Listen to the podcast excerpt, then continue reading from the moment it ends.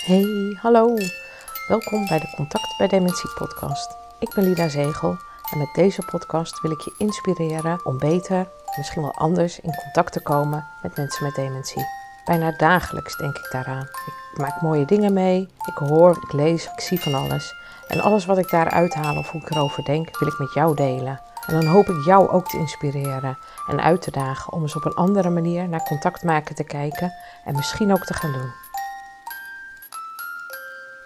Hey, hallo. Oh, mijn hoofd vloog alle kanten op. Ik moest hem gewoon tot stilstand brengen. En hoe doe je dat dan? Door eerst eens rustig te gaan zitten en vervolgens te denken: wat gebeurt er allemaal? Waar ben ik allemaal mee bezig? Ja, misschien denk je, maar ik begrijp wel eens dat jij wel heel veel doet, dus misschien is dit ook normaal. Ja, dat is normaal. Alleen is dat wat ik heel veel doe, normaal ook in ja, binnen bepaalde kaders. Ik weet precies, s ochtends doe ik dit, s middags doe ik dat, s avonds doe ik zus, of zo, of niet. En zitten daar ook gaten tussen. En die gaten die kan ik dan weer opvullen met bijvoorbeeld een podcast maken. Gisteren lukte me dat niet, dat had ik wel willen doen. Zondag lukte het ook niet. Het was eventjes dat het een beetje vastliep. En ik was ook nog aan het denken, over een paar weken ga ik op vakantie. Wat moet ik daar allemaal nog voor doen?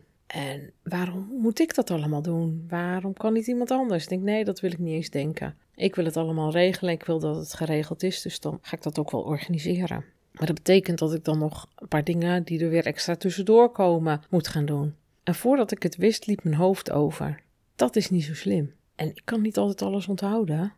Vandaag kwam ik bij iemand die zegt: Ja, dat weet ik niet, want dat heb ik even vergeten, dat kon ik niet onthouden. Ik zeg: Daarom schrijf ik zoveel dingen op. Of schrijf ik het in mijn telefoon en dan kan ik het daar weer terugvinden.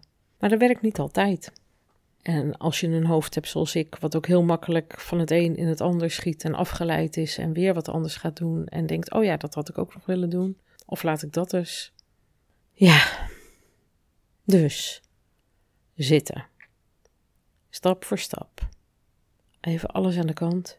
Even bedenken: wat ga ik doen? Een podcast opnemen. Oh ja, belletje van Mira. En de vorige keer zei ik nog: Oh, volgende keer komt Mira er zelf. Maar dat was niet waar. Ja, ze is er wel. Maar precies op het moment dat deze podcast uitkomt. Dus moest ik toch nog weer zelf eventjes wat bedenken. En het bedenken klinkt alsof ik iets moet bedenken om het te bedenken. Maar dat is niet zo, want er gebeurt gewoon heel veel. Alleen wat gebruik ik en waarom gebruik ik het? En dit keer dacht ik aan een echtpaar waar ik kwam vanochtend. En meneer deed open en zei: Ik kom eraan, maar ze is boven, want ze wil niet naar beneden. Oké, geen probleem, ik ga wel naar boven. En wat ik daar meemaakte, dacht ik van ja, we moeten het ook maar eens hebben over als dingen niet zo makkelijk zijn en niet zo leuk zijn. Wat dan? En hoe is het voor die mantelzorgers die daar dan omheen van alles moeten organiseren en moeten doen? En toen vloog mijn hoofd weer alle kanten op. En dat zal bij die man ook geweest zijn die de deur opendeed en mij binnenliet. En zei: Ja, ze wil niet meer naar beneden. En ik trof een mevrouw aan, aangekleed, warme kleding, op een bed wat helemaal afgehaald was. Achteraf hoorde ik, want het beddengoed moest in de was. Ze lag opgekruld in een feutushouding. Ze had een lekkere warme vliesdeken over haar heen gekregen. En die mevrouw kon eigenlijk niet zoveel meer zeggen. Ze zei niet zoveel toen ik binnenkwam, want ik zocht haar. Dus ik riep al, oeh, waar bent u? Ik maak maar een geluidje, want dan kan ik op zoek. Dat kwam niet helemaal aan. En ik zag dat mevrouw behoorlijk verward was.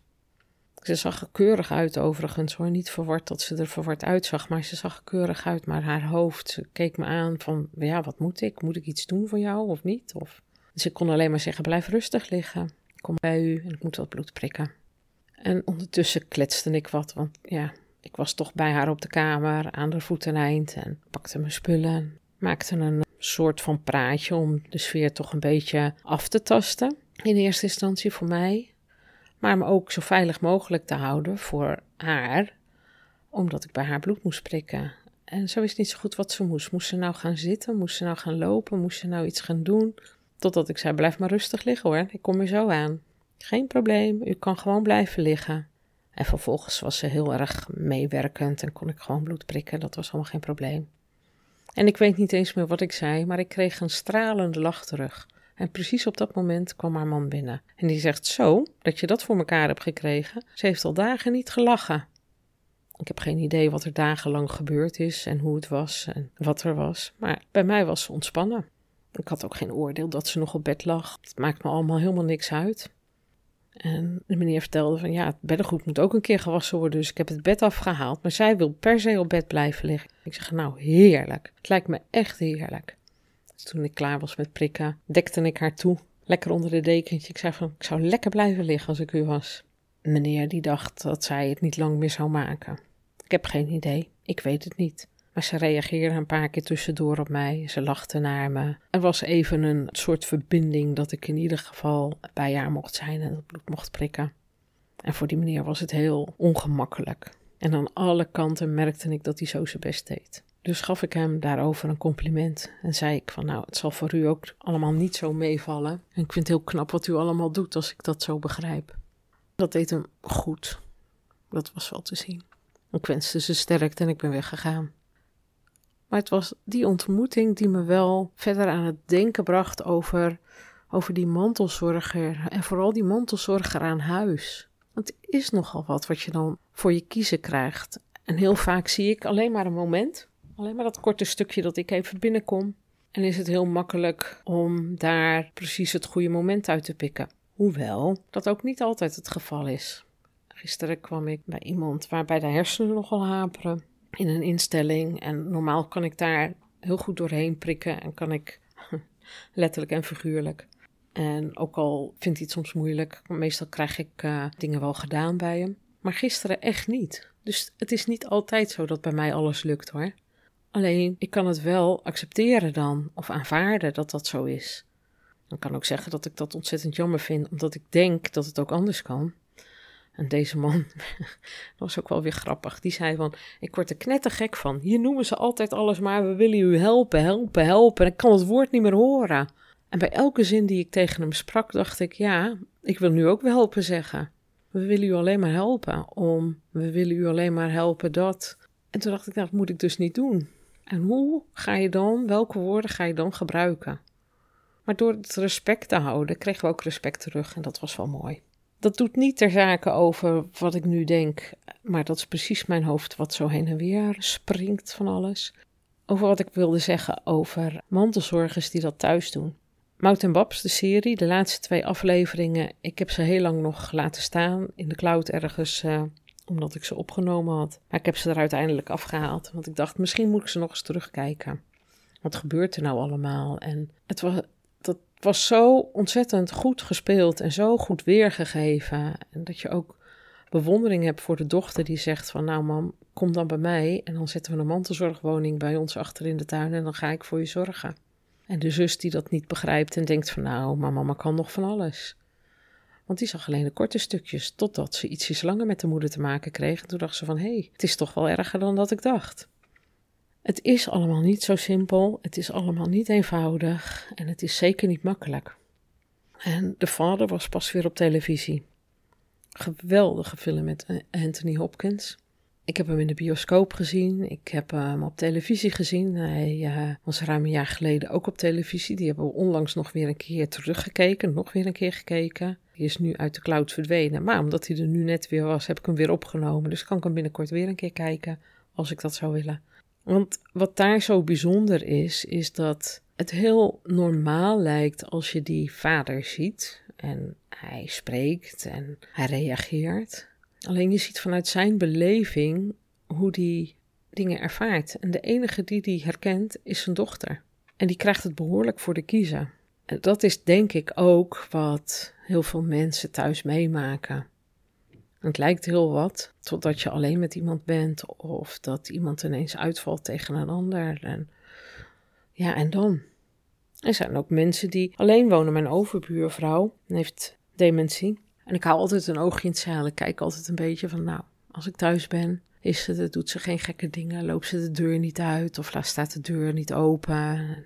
En eigenlijk gaat het altijd goed. En toevallig moest ik haar van de week ook prikken. Dan denk oh, dat is wel fijn, want dan ziet ze een bekende. Dat is ook niet zo heel erg moeilijk. Hoewel er iedere dag mensen van de zorg ook aan huis komen, s ochtends en s avonds. En ik weet dat haar kinderen en haar kleinkinderen ook de best doen om zoveel mogelijk te organiseren rondom hun moeder en hun oma. En ik kwam bij haar prikken. En ze noemt iedereen lieverd. Dat zie ik ook als de zorg weggaat s ochtends. Dag liever, dag, doe voorzichtig hè. dat deed ze ook tegen mij, dat was ook wel fijn. En ik zei ook tegen haar, nou, ik hou je ook wel een beetje in de gaten hoor. Ja, maar ik jou ook, zegt ze. Ja, heerlijk. ik dat is heel goed. Ja, want als er iets is, ik zeg, precies, dan mag je altijd bij me komen. Ja, dat weet ik.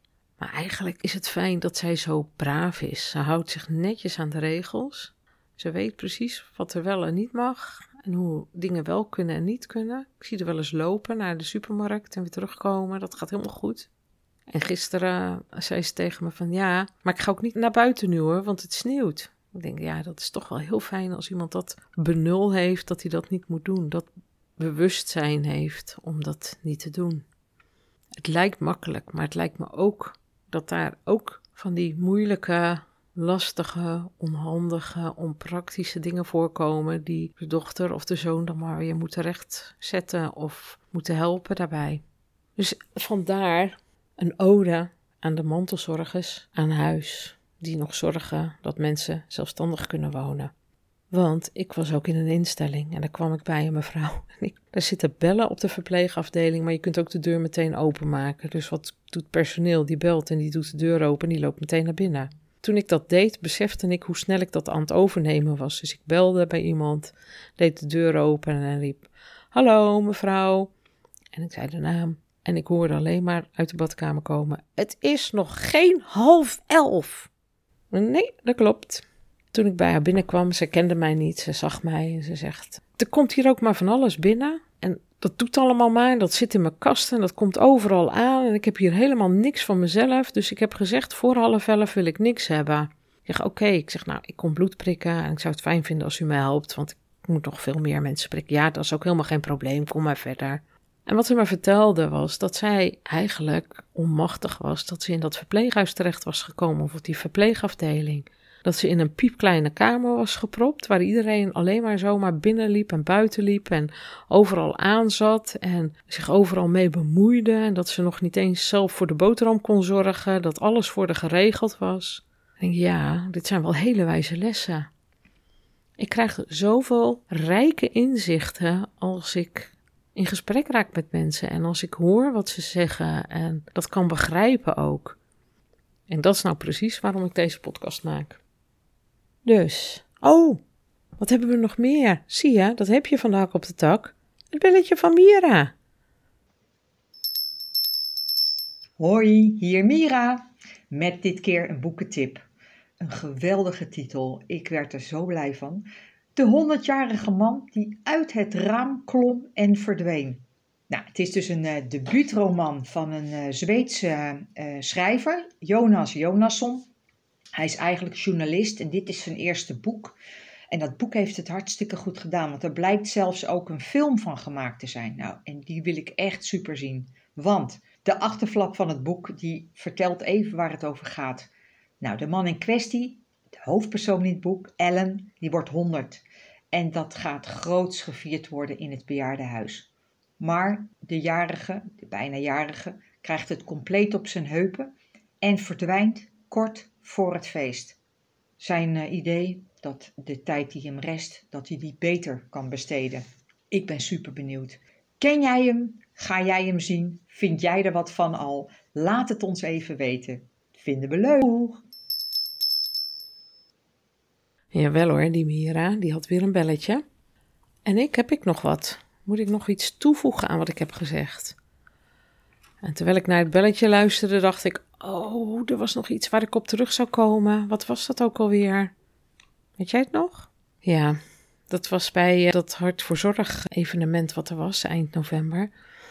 Waar het ook ging over het ziekteinzicht bij niet aangeboren hersenletsel.